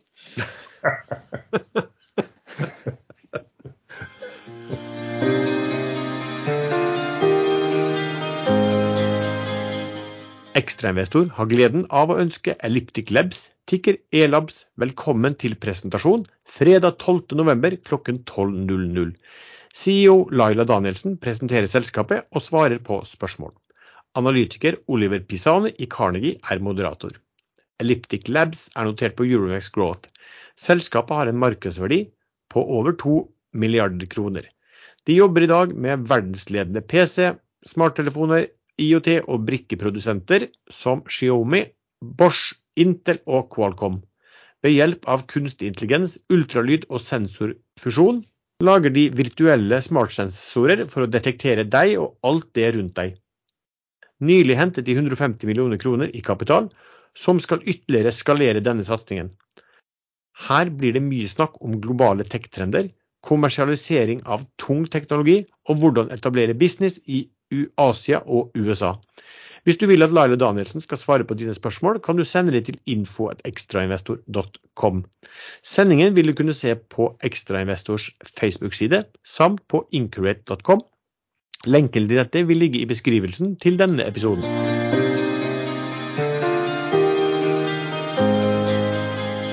OK. Uh, Sven, skal vi da ta og gå og høre om du har noen favoritter for uken som kommer? Uh, nei, jeg har uh, Jeg har beholdt en del uh, null. Den gikk jo litt over 11. Solgte litt der oppe, faktisk. Fordi at ting tar sikkert litt tid. Men jeg har beholdt en god del som jeg sitter videre med, i håp om at det kommer en melding om at noe konsolidering skjer med det selskapet der. Og, og så har jeg kjøpt litt aksjer i Havila Kystruten. Der kom det endelig melding om at de har tatt levering av det første skipet, som da skal inn i trafikk for 1.12. Så jeg tror kanskje at vi får litt positivitet der. Uh, ja, ellers så er jeg jo veldig fedd up med dette markedet her, da. Jeg, eh, jeg bare Jeg drømmer om eh, at ting kan begynne å skje litt. At det blir litt mer volatilt. Jeg hater når det bare siger oppover på den måten som det gjør. Så, men jeg skal ut og drikke litt øl med tre andre ekstrainvestorer, medlemmer fra Sør-Vestlandet her i, eh, i kveld, så det gleder jeg meg faktisk til. Det er vel såkalt exit-treff på Ræge? Nei, dette blir nede i downtown Stavanger. Uh, mest sannsynlig på Kardinal. Uh, men denne episoden kommer ikke ut før vi har bakrus uansett. Jeg var ofte på Kardinal. Jeg var på Madeleine militære på tidlig 80-tallet. Det, ja, det var en fast, fast plass. Uh, for oss på uh, tidlig 2000-tall. Uh, eh, fordi eieren av Kardinalet var òg en veldig ivrig uh, Stocktalk-medlem og handla mye aksjer. Så vi hadde fast bord på Kardinal da, til disse aksjetreffene våre. Så det er en fin plass og masse godt øl. Det blir kjekt, høres det ut som. Erlend, har du noen favoritter for uken som kommer? Da tenker jeg på ja. aksjer. Jeg har jo nevnt denne Naked før. Jeg skal prøve å lage det kortest mulig, sånn kort forklaring på hvorfor jeg mener at den nå er ganske moden for takeoff. Men jeg må bare nevne Koa først. Ehm, Koa går litt sånn under radaren på mange.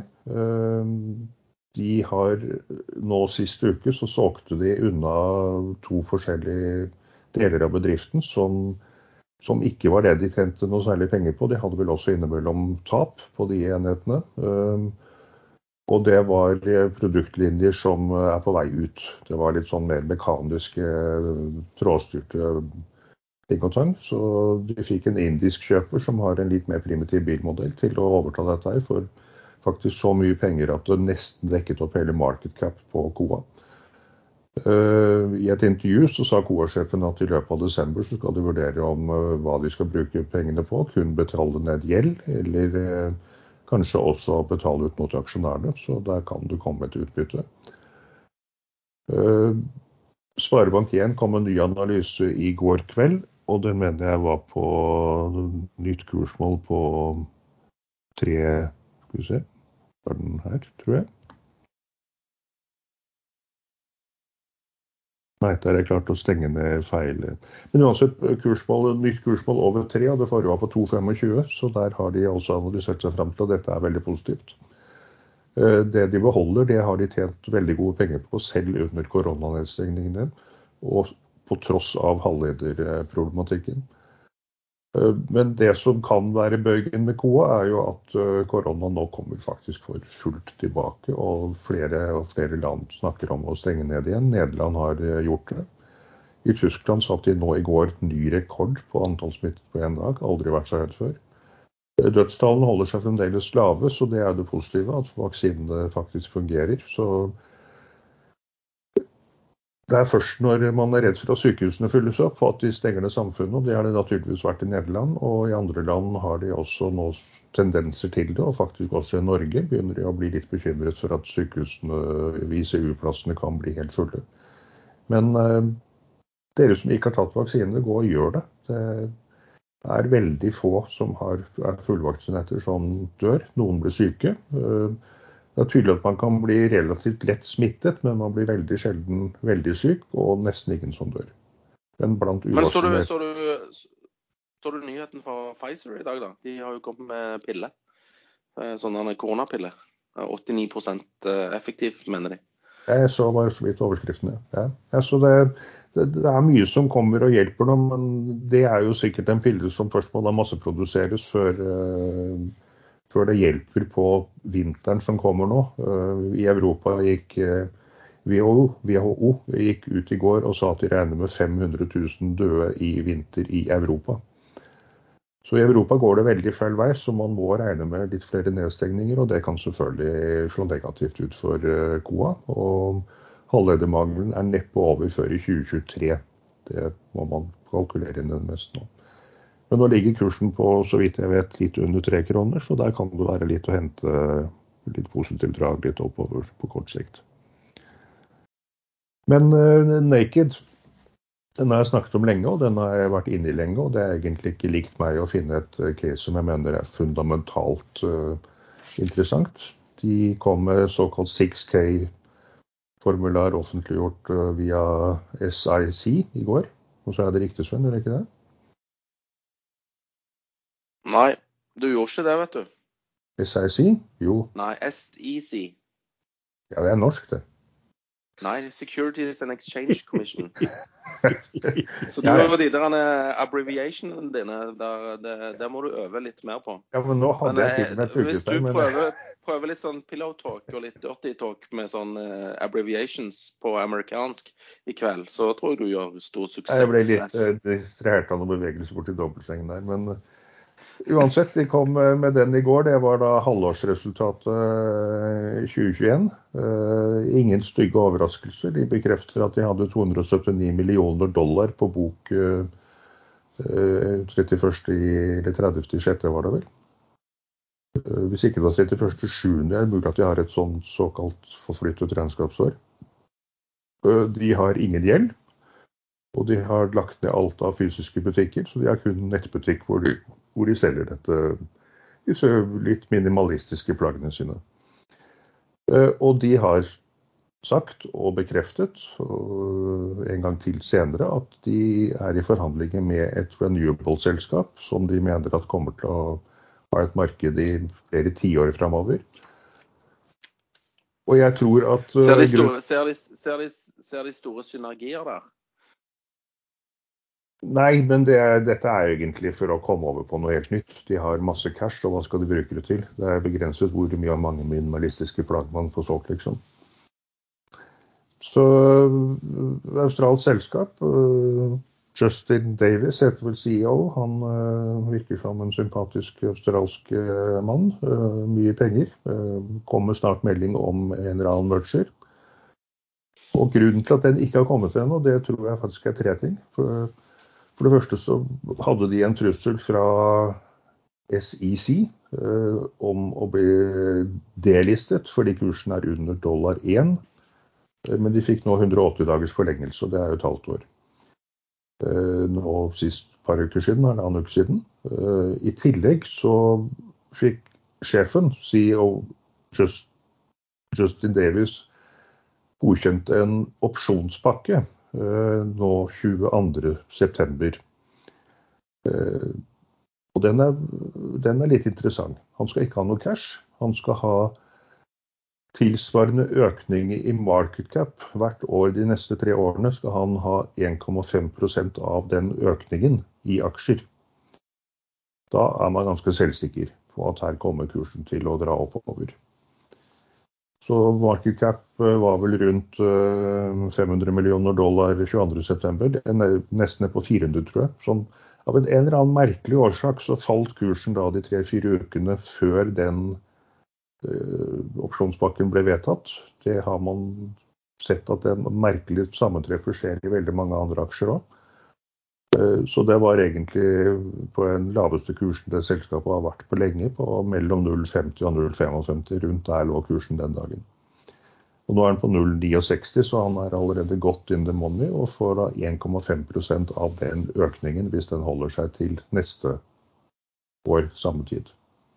Hva tror dere? Når man er villig til å Belønningen for jobben er ikke cash-utbetaling, det er 1,5 eh, av økningen utbetalt i aksjer.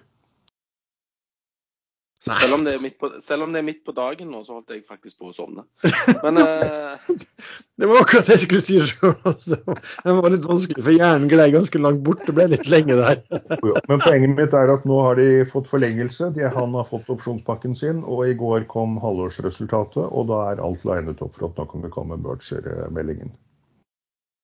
Da håper vi på det. På dine vegne. Uh, ja, skal vi ta For min del så har jeg kjøpt uh, en del i et, et, nytt selskap denne uken, helt i de siste dagene, um, som heter Reach Subsea. Um, det kule med den er egentlig at uh, de tjener bra penger.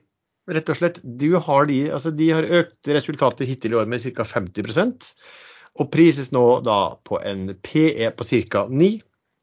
Eh, nå betaler ikke de skatt, og de har også noen sånne skattefordeler som de er inntektsført, men når jeg regner P9, så regner jeg det basert på ikke, at, ikke disse ekstraordinære inntektene, og, og, basert på en normal skattesats. Så i regnskapet så vil det se bedre ut enn hva, enn hva jeg snakker om nå. Eh, EV-EBIT, hvis snakker, man bruker å snakke om det, er på 6,3, som på en måte betyr at du har 15% avkastning på all kapital før før eh, ja, det skal gå til egenkapital og til finans. Men de har nett, dette selskapet har også tjent såpass mye cash at de har nett eh, i en nett cash-posisjon. Det er vel et sånt eh, hva skulle du si, light-selskap i så måte at de leier inn båtene fra, fra supply-selskapene, gjerne subsea-båter og hva det måtte være. Og så har de egne ROVs som de bruker, og har veldig gode kunder, altså Equinor, Shell, BP, Ørsted, Vattenfall.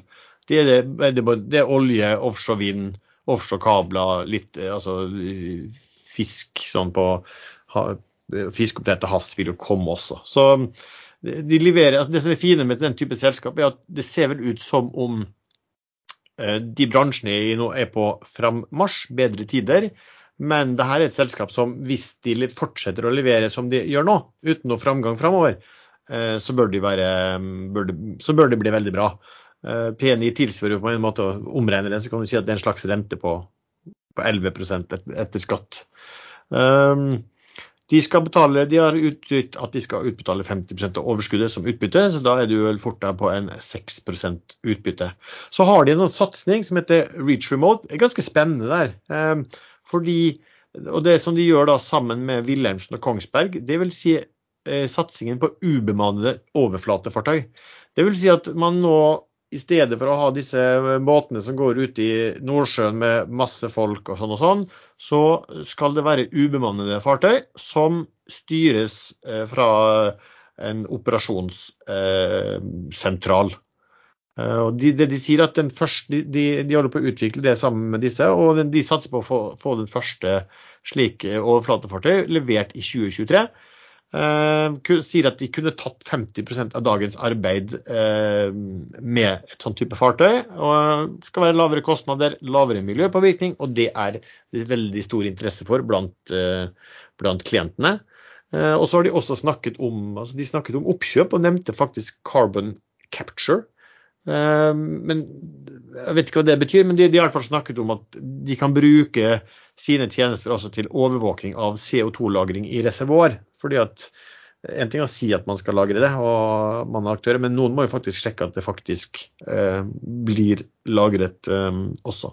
Så den kjøpte jeg, Det kom tall derfra i går. Jeg hadde kjøpt litt før, kjøpte mye i går. og I dag kom også melding om at eh, styrelederen der, eh, som er han gamle eh, Carnegie-sjefen, som heter Onarheim, han hadde kjøpt 500 000 aksjer i, eh, i selskapet. Eh, og Derfor er den også opp ja, 6 i dag. Så den synes jeg, jeg synes den er interessant i så måte at hvis de opprettholder inntjeningen, så bør dette være veldig bra. Og så har de dette her remote som ja, Hva er kursen der nå? Kursen er 3,11 der nå. Da er den faktisk akkurat der hvor jeg i 2012, 2013 Eh, jeg var jo fanatisk Reach-tilhenger den gangen. Eh, den er på samme nivå, eh, men jeg husker den veldig godt, fordi da lå jeg på en solseng ved svømmebassenget i Kroatia. Drakk litt paraplydrinker og prøvde å trede. Så tenkte jeg at jeg skulle selge litt eh, penn. Trykket på feil ticker, for den reachen lå rett under eh, penn i min eh, watchliste. Og solgte reach isteden. Og da solgte jeg den ned fra rundt 3,20 ned til 2,20, for det var det jeg skulle selge pen på. Og det var jo nesten ikke omsetning i den aksjen, så jeg fikk fill hele veien nedover, gitt. Det ble en dyr dag. Måtte jeg drikke enda mer på Det var Reach. Eh, og så, ja, ellers så følger jeg med på Wilhelmsen fortsatt. Jeg ser jo at eh, Valenius Wilhelmsen stiger på børsen. Og VVI, da, Wilhelmsen Holding, har ikke stiget like mye. Uh, og ja, nå kom det vel også noen selskap som skulle på børs og hente penger, i hvert fall innenfor noen Roro-skip. så, så ja, det, det, det, er mye verdier der, og så får vi jo se om Wilhelmsen-toppene egner til å ja, få vist det fram og få det ut på, i, i aksjekurs. Da. Så det er vel egentlig de spesielt Reach da, som, er, som, er, noe nytt å, å, snakke om. Men Lars, da har du vel lært deg Reach-sangen? Nei, ikke ennå. Jeg kan synge den for deg. Reach out and touch somebody's hand. Dette må du kanskje klippe bort? Nei da, men fortsett du. Det var, dette var yndig. Ja, men jeg kan ikke mer. Jeg kan bare det. Sånn er det med alle sanger. Jeg kan én linje i en strofe, og så er det slutt. Men jeg, jeg, har, jeg, har, glemt at jeg har kjøpt Instabank. Fordi de kom med tall. Er en egenkapital, eh, avkastning på egenkapitalen på 16,6% syns jeg var veldig bra. Så jeg eh, beholder den og, og adder litt når jeg har anledning. Når den faller under 2,10. Så det vil jeg bare ha med. Protokollført. Du Sven, eh, du pleier å ta meg litt på engelsken. Forsøket mitt. Jeg så på Quest. Quest på CNN i går, og der sa han ja. faktisk tappering, ikke tapering. Tappering? Tappering, ja. Heter det tappering? Ikke meningen å ta igjen, ikke på noen som helst måte, men tappering. Nei, jeg, jeg, har ikke visst det, for jeg vet nesten ikke hva det betyr engang. Så jeg bare tar det på sånn uh, tasteengelsk. Tapering. Det er jo tape, liksom. Men han sa tappering. Tapering. Tapering. Nei, ikke vet jeg. Men OK, eh, er det noe mer dere vil tillegge før vi avslutter dagens episode? Det er bra. Eh, da takker vi til deg som har lyttet på denne episoden. Eh, du treffer gjerne alle oss tre inne på chatten på mm, Ekstrainvestor. Vi har også en gruppe på Facebook som heter podkasten Aksjesladder. Musikken som vanlig laget av Shaz.com Kom i dag. Og vi høres snart igjen. Ja, svenske, eh, svenskebørsen er blitt helt kjedelig. Det står helt flatt her nå.